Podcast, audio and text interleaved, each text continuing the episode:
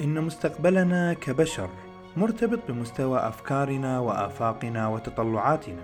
ولكي نرفع ونوسع تلك الآفاق لا يوجد شيء أفضل من سبر أغوار هذا الكون للكشف عن أسراره وجواهره الخفية. معكم حسن الشيرازي وأهلا بكم في الكون بودكاست.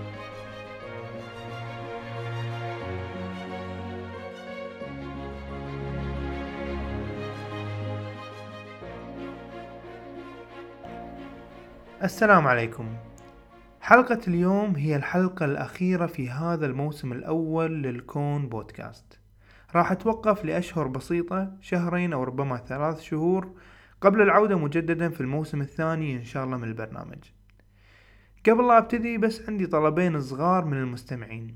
إن أمكن أن يتم تقييم البرنامج في application البودكاست بالآيتونز فهذا يساعدني في معرفة مستوى الطرح بين البرامج العلمية الأخرى. والطلب الثاني في استبيان بسيط وصغير جدا مكون من خمسة أسئلة فقط. وضعت رابط له في وصف الحلقة في الساوند كلاود إذا تدخلون من الموقع تلقون الرابط موجود تحت الوصف.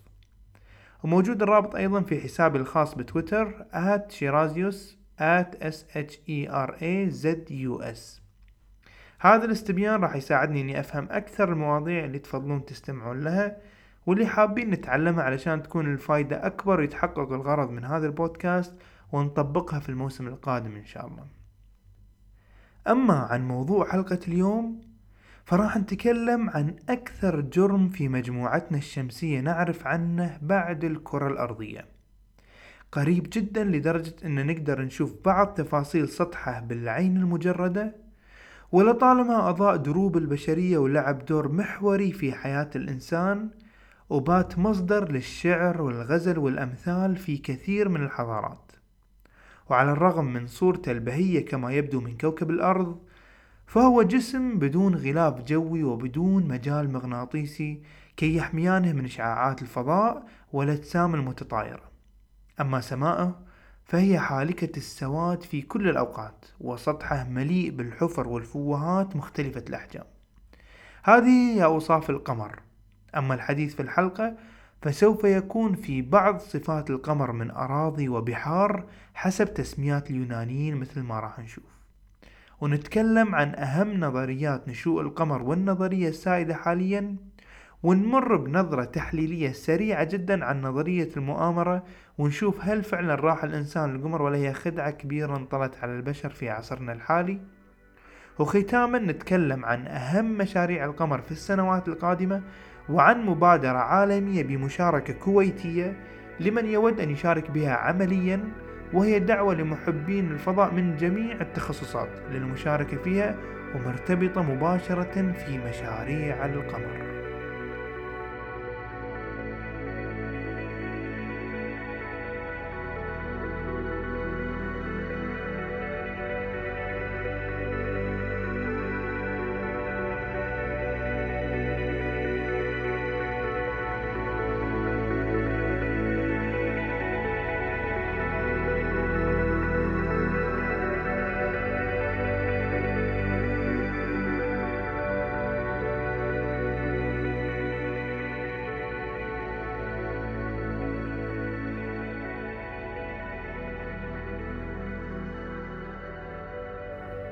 القمر صغير بحجمه وبمسافته عن الأرض. فالمسافة وبعد القمر عن الأرض هي 384400 كيلو متر فقط. أما قطر القمر فهو أقل من أربعة آلاف كيلو متر وهي تعادل تقريبا أقل من ثلث قطر الكرة الأرضية. وهذه المسافة تساوي المسافة بين القاهرة والعاصمة البريطانية لندن. وهي مسافة صغيرة جدا جدا في المقاييس الفضائية. وبسبب عدم وجود غلاف جوي لا يمكن للماء أن يوجد في القمر بالحالة السائلة لأن الضغط الجوي هو الذي يجعل جزيئات الماء مترابطة مع بعضها البعض وبالتالي لا يمكن وجوده هناك. مثال على ذلك درجة الحرارة المطلوبة لغليان الماء هي 100 درجة سيليزية. أما إذا كنت في مستويات مرتفعة من الكرة الأرضية مثل دنفر في ولاية كولورادو حيث ارتفاع السطح مرتفع نسبيا فوق سطح البحر فإنك لغلي الماء تحتاج 95 درجة سيليزية بدلا عن المئة لأن الضغط الجوي هناك أقل من المعتاد. من نفس المبدأ لا يمكن للماء أن يوجد بالقمر بالحالة السائلة لأن لا يوجد ضغط جوي أساسا يحافظ على ترابط جزيئات الماء. أما الاختلاف البسيط في ألوان السطح فبالنظر إلى القمر حتى بالعين المجردة يمكننا ملاحظة وجود أجزاء بنية غامقة وأخرى فاتحة. الأجزاء الغامقة تسمى ميري ومعناها باللاتينية البحار لأن حتى القرن السابع عشر كان يعتقد أن تلك المناطق تحتوي على بحار ومحيطات والأجزاء الفاتحة هي أراضي منبسطة على ارتفاع أعلى مما كان يسمى بالبحار ولذلك تبدو لنا بلون أفتح للناظر والراصد لها من الأرض. ولكن مع تطور الزمن وتطور علم الفلك والمعدات الفلكية وأهمها التلسكوب تبين أن الأجزاء الغامقة هي عبارة عن طبقة لافا متجمدة. ففي المرة القادمة عندما تنظر إلى القمر لاحظ الجزء الغامق من القمر فسترى أنه لا يوجد فيه الكثير من الحفر التي تنتج عادة عن طريق اصطدام الشهب والمذنبات بسطح القمر. أما عندما تنظر إلى الجزء الفاتح من سطح القمر فستراه مليء بتلك الحفر والفوهات. ويرجع تفسير هذا التباين في تفاصيل السطح إلى أن عندما تشكل القمر في بدايته وعندما كانت اصطدامات المذنبات والشوب في أوجها أخذ القمر نصيبه من هذه الضربات التي كانت نتيجتها الحفر والفوهات التي نراها في الجزء الفاتح من سطحه. ثم بعد ذلك بفترة من الزمن حدث اصطدام هائل من قبل كويكب مع القمر مما دفع باللافا أن تنقذف من جوف القمر وتغطي السطح القديم لتشكل وتصنع السطح الجديد بطبقته البنية الغامقة والخالية من أي حفر وفوهات.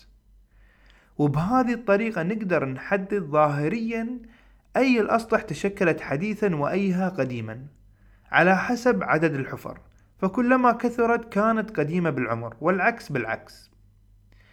بالنسبة للتربة القمرية فأول سنتيمترات منها مثل البودرة الخفيفة جدا جدا وتحتها سطح من الصخور السميكة.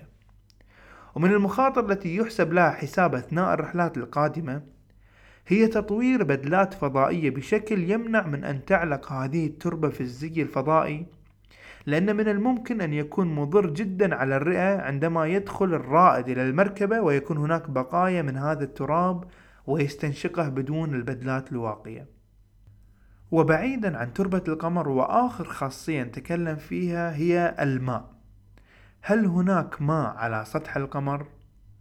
في عام 2008 قامت منظمة الأبحاث الفضائية الهندية بإرسال المسبار القمري تشانداريان 1 ليجاوب ما إذا كان هناك ماء أم لا على سطح القمر.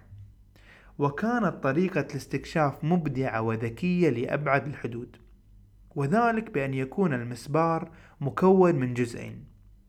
جزء ينفصل وينقذف باتجاه القطب الجنوبي كالصاروخ ويصطدم به. فيما يكون الجزء الآخر ستلايت يدور حول القمر ويحلل نتائج هذا الاصطدام باستخدام التحليل الطيفي لمعرفة مكونات الغبار اللي نتج عن اصطدام الجزء الأول. وتوصل لوجود ذرات الهيدروجين والأكسجين موجودة عند القطب ليعلن وجود الماء ولكن ليس بصورته السائلة. بعد ذلك بأقل من سنة أطلقت وكالة الفضاء الأمريكية ناسا مركبة تسمى لاكروس. واستخدمت نفس التقنية الذكية جدا لتطابق النتائج بالفعل وتؤكد وجود الماء. وبهذا الاكتشاف تفتح آمال جديدة لاستعمار هذا الجرم السماوي الجار لنا كما سنسمع بعد قليل في مشاريع القمر المستقبلية والقريبة جدا أكثر مما تتوقع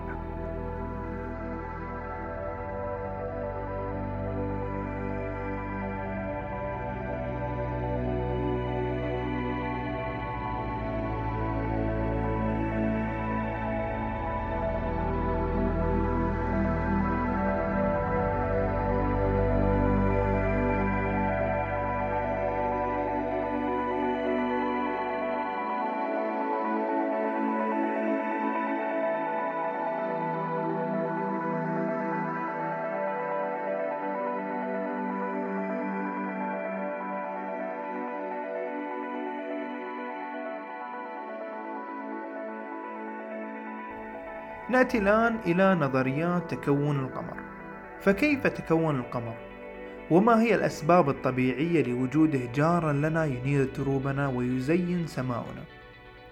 هناك أكثر من نظرية ولكن أشهرها ثلاث نظريات النظرية الأولى تسمى نظرية الانشطار تفترض هذه النظرية أن في بداية تكون المجموعة الشمسية في مرحلة ما كانت الأرض أكبر من حجمها الحالي وكانت تدور في سرعة كبيرة جدا جدا وهذا بالتالي أدى إلى حدوث انشطار في كتلتها. وهذه الكتلة اللي انشطرت ظلت تدور في مدار حول الأرض لحد ما تشكلت على شكل القمر الحالي. وأحد الأدلة التي كانت تستند عليها هذه النظرية أن متوسط كثافة سطح القمر مقاربة لمتوسط كثافة القشرة الخارجية للأرض 3344 كيلوغرام لكل متر مكعب. والدليل الآخر اللي كان يدعم هذه النظرية أن مدار القمر حول الأرض قريب من خط الاستواء وهو المكان المتوقع وجود القمر فيه إذا كان سوف تحدث أي عملية انشطار من الكرة الأرضية.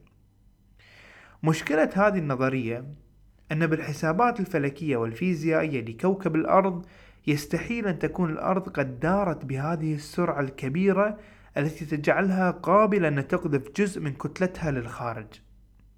أما الإشكال الثاني لهذه النظرية هي أن العينات التي أتوا بها رواد الفضاء من القمر بعد رحلات أبولو من قبل أمريكا ولونا من الاتحاد السوفيتي تبين أن الصخور على سطح القمر أصابتها حرارة عالية جدا مختلفة عن تلك في كوكب الأرض.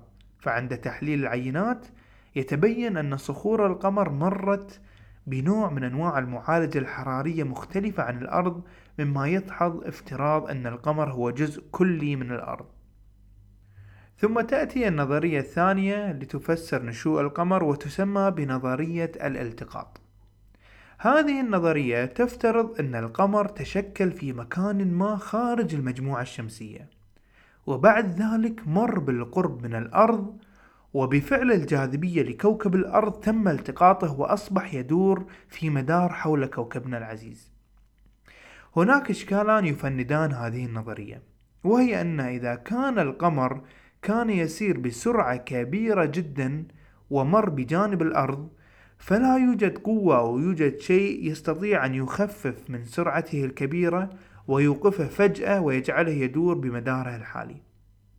وعلى العكس إذا كان متجه إلى الأرض بسرعة خفيفة أو سرعة بسيطة فلا يوجد شيء يسرعه ليدور حول الأرض بالمدار والسرعة التي نشهدها اليوم وبالتالي تنتفي صحة هذه النظرية.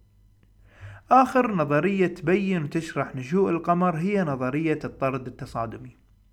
هذه النظرية هي النظرية المقبولة حاليا والتي تشير لها الأدلة على تكون القمر. تشرح هذه النظرية على أنه في مرحلة متقدمة من مراحل تكون الكواكب وتشكل المجموعة الشمسية عندما كانت المادة تثور وتتحرك بسرعات رهيبة قبل 4.5 مليار سنة وقبل أن تستقر الأرض على شكلها وميلانها الحالي أتى جسم بحجم كوكب المريخ ثم اصطدم بكوكب الأرض ونتج عن هذا الاصطدام الكبير أن حطام من الأرض بكتلة ضخمة انقذف إلى الخارج وبدأ يدور في مداره حول الأرض ومع مرور الوقت والدوران هذا الحطام بدأ ينجذب نحو بعضه البعض ليكون بعد ملايين السنين القمر في مداره الحالي. هذه النظرية تتوافق مع الكثير من المعطيات الحالية من نسب الحديد والمعادن الموجودة في القشرة الأرضية ومثيلتها عند القمر. كذلك عند استخدام السوبر كمبيوتر لعمليات المحاكاة لواقع نشوء القمر تشير النتائج أنها متوافقة تماما مع المعطيات الحالية من سرعة دوران القمر حول الأرض والمدار الحالي. هذا بشكل موجز أهم نظريات التي تشرح تكون القمر. هذا الجرم المهم والمؤثر في حياة البشر.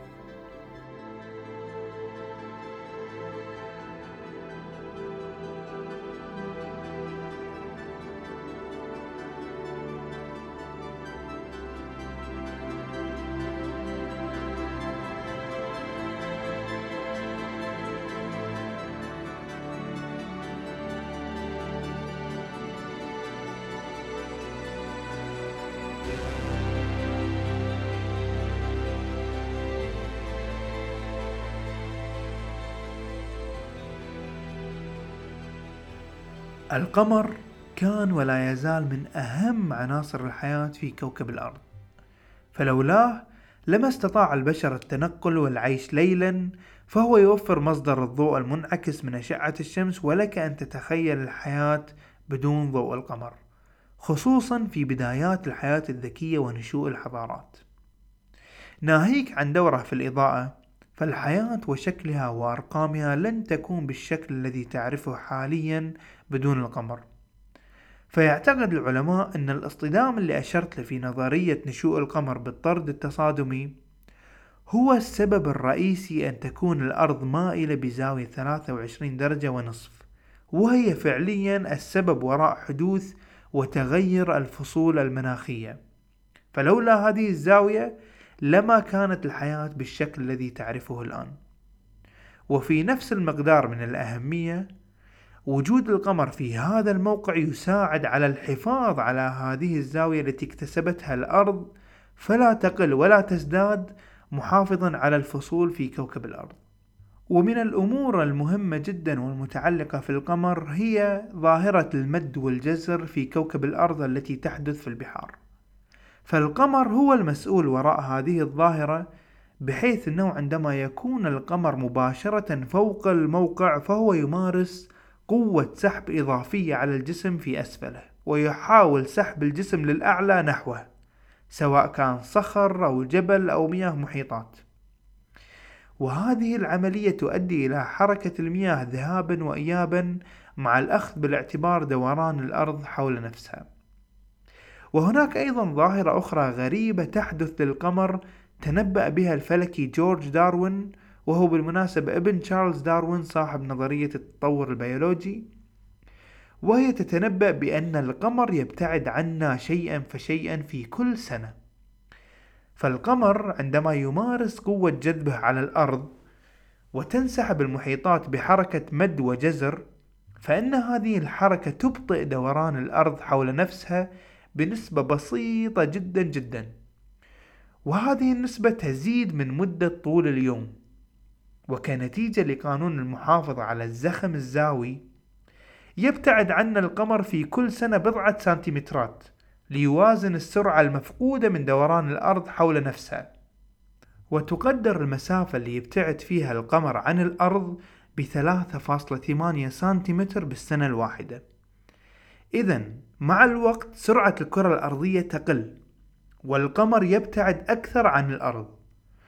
وعلى هذه الحسابات فإن مدة اليوم تزيد 0.002 كل قرن من الزمن. إذا رجعنا بالزمن على نفس المعطيات قبل 400 مليون سنة فإن مدة اليوم في الأرض راح نلاقيها هي 21 ساعة بدل عن ال 24 ساعة.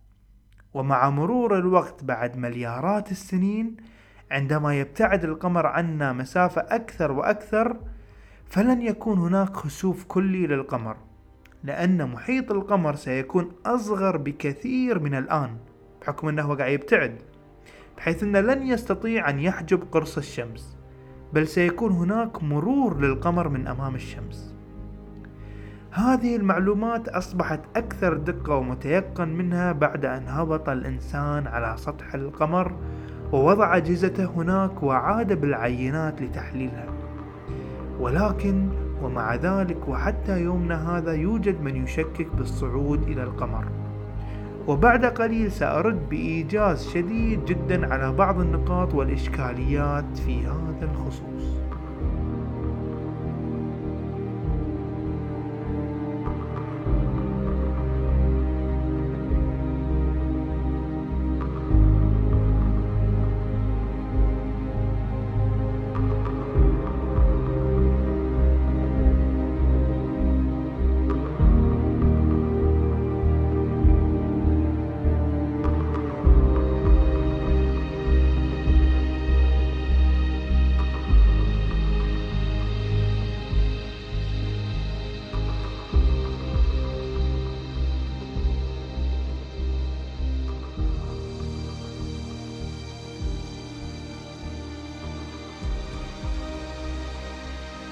في العام 1976 نشر كتاب اسمه لم نذهب للقمر أبدا خدعة الثلاثين مليار دولار.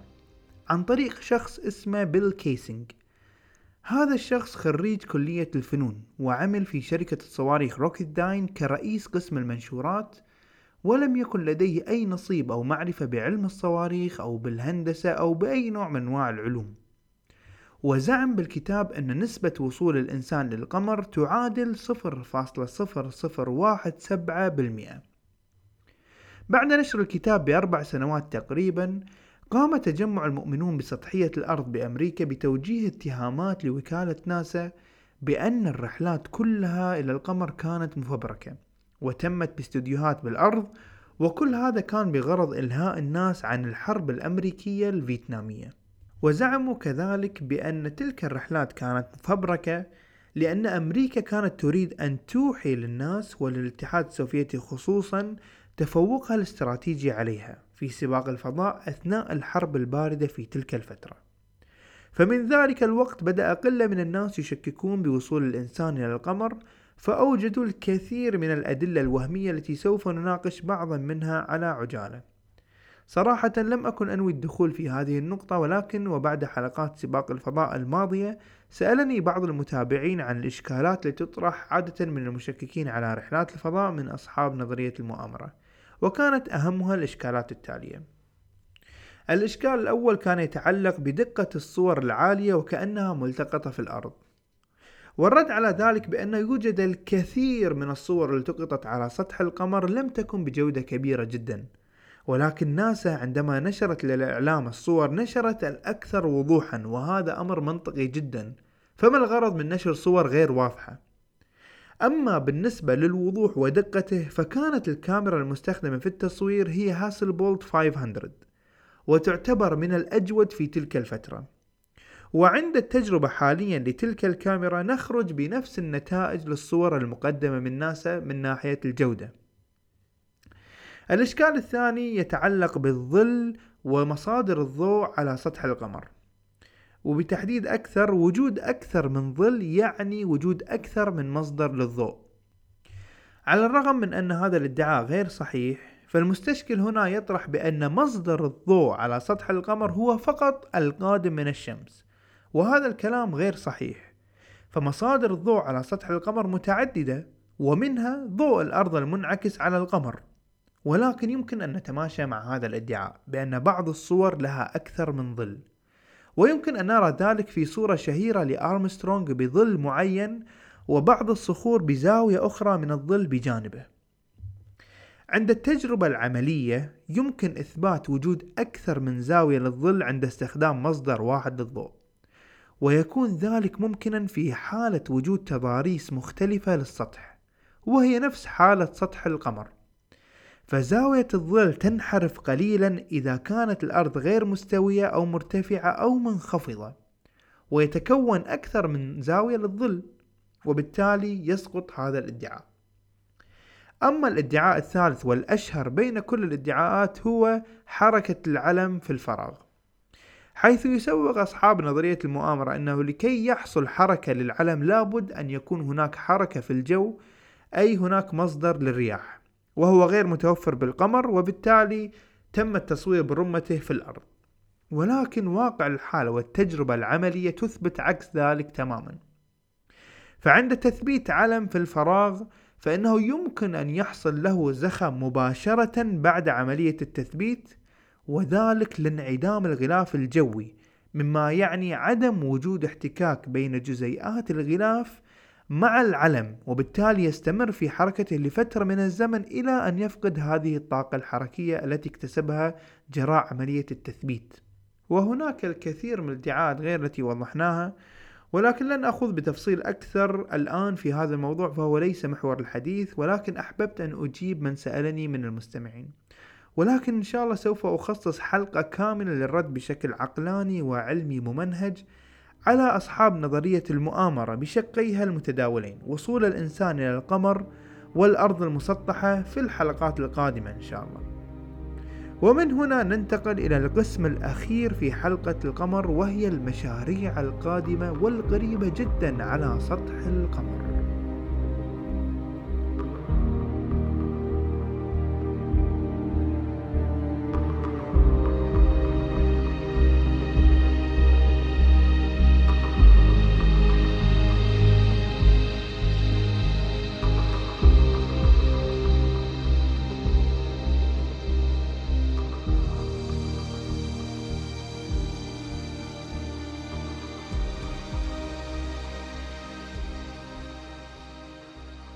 حاليا وعند تحليل أغلب رحلات الفضاء من وكالات الفضاء العالمية نراها مقسمة وموجهة ناحية القمر وناحية المريخ تقريبا.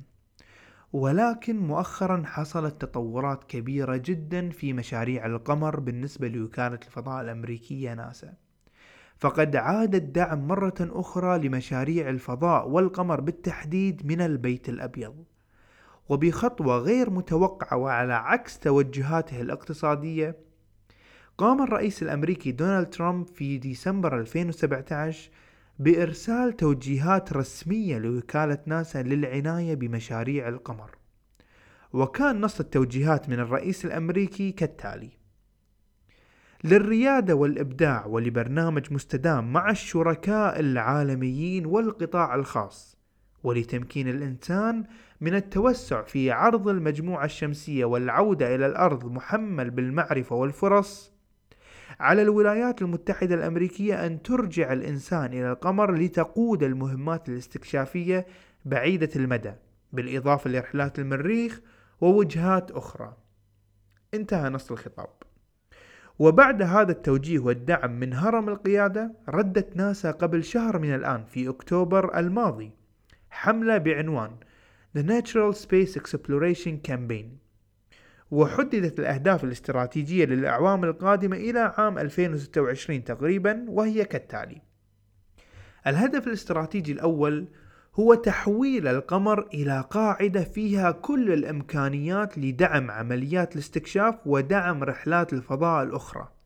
بحيث يكون كقاعدة للانطلاق بدلا عن الأرض ويكون محطة عبور لرحلات الفضاء المختلفة أما الهدف الثاني فهو دعم البحث العلمي واختراع التطبيقات الممكنة للاستفادة من المعادن والثروات هناك من خلال مجموعة روبوتات متكاملة ومدروسة الأهداف تحوم على سطح القمر وتستكشفه بعمق أكبر. بشكل عام هذه هي الأهداف الاستراتيجية وهي ليست من الخيال العلمي في هذه الأيام. فكما سمعنا منبع هذه الأهداف قادمة بتوجيهات من أعلى المستويات ومستعدة للدعم المادي لتحويل الأمر لواقع ملموس.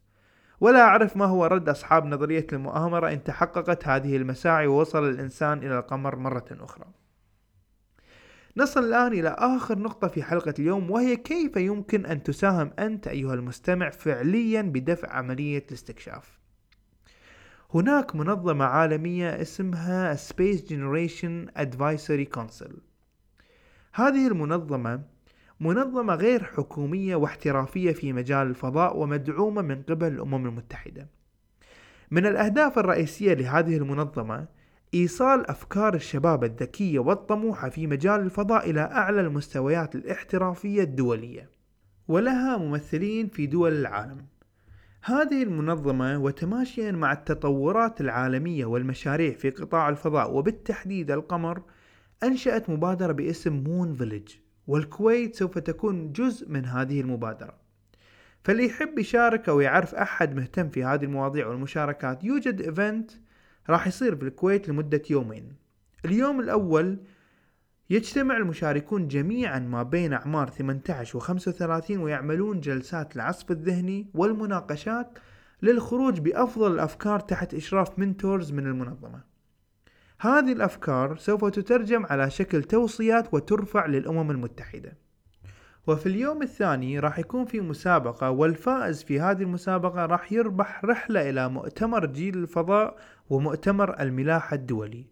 فهذه فرصة رائعة للمشاركة والاحتكاك مع محبين الفلك والفضاء للخروج بنتائج ملموسة ومفيدة إن شاء الله. لا يفوتني أن أشكر المهندس غانم العتيبي على متابعته وتنظيمه لهذه المبادرة من الجانب الكويتي وهو بالمناسبة يمثل صوت الشرق الأوسط في هذه المنظمة منظمة جيل الفضاء. وبكذي أوصل عند نهاية حلقة اليوم ومع نهايتها أوصل كذلك عند نهاية الموسم الأول من الكوم بودكاست على أن أعود بعد أشهر بسيطة من الآن إن شاء الله في الموسم القادم. أحب أن أذكركم مرة أخرى بتقييم البودكاست وعمل الاستبيان الصغير جدا الموجود في أكاونت لتويتر h e s فهو مهم لجودة البودكاست. وقبل لا أختم أحب أني أشكركم جدا جدا جدا على الاستماع للبودكاست والدعم الكبير الذي أتلقاه منكم. فإلى وقت تسجيل هذه الحلقة ولله الحمد تجاوز عدد الاستماع للحلقات حاجز العشرين ألف استماع. فحقيقة ممتن جدا لهذا الرقم. وأرجو أن تكونوا قد وجدتم الفائدة والاستمتاع من خلال 18 حلقة فلكية فضائية والقادم أجمل بإذن الله. وحتى نلتقي في المرة القادمة أودعكم على الخير والمحبة. في أمان الله.